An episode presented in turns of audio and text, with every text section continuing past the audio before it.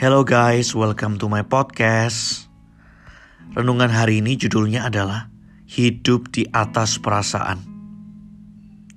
Filipi 4 ayat yang keempat berkata, Bersukacitalah senantiasa dalam Tuhan.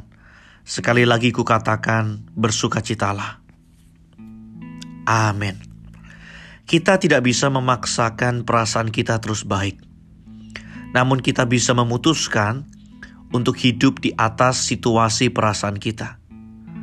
Hal ini terjadi di saat kita melihat bahwa roh kita lah yang menjadi komandan bagi sukacita kita. Maka kita akan mengatasi situasi jiwa yang mengganggu kita. Perasaan kita di waktu tertentu memang bisa menolong kita. Namun di waktu yang salah juga bisa menjungkir balikan kita. Perasaan memiliki beragam ekspresi natural manusia yang menjadi kekayaan kita, sehingga ini tugas kita untuk mengendalikannya. Faktanya, manusia terdiri dari tubuh, jiwa, dan roh. Jiwa adalah penghubung antara tubuh dan roh kita.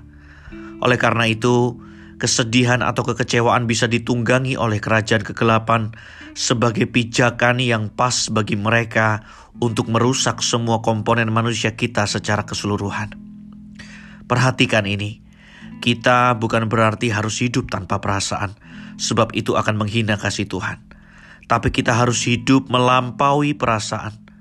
Bersukacitalah senantiasa, bukan karena Anda merasakannya, tapi karena Anda memutuskannya.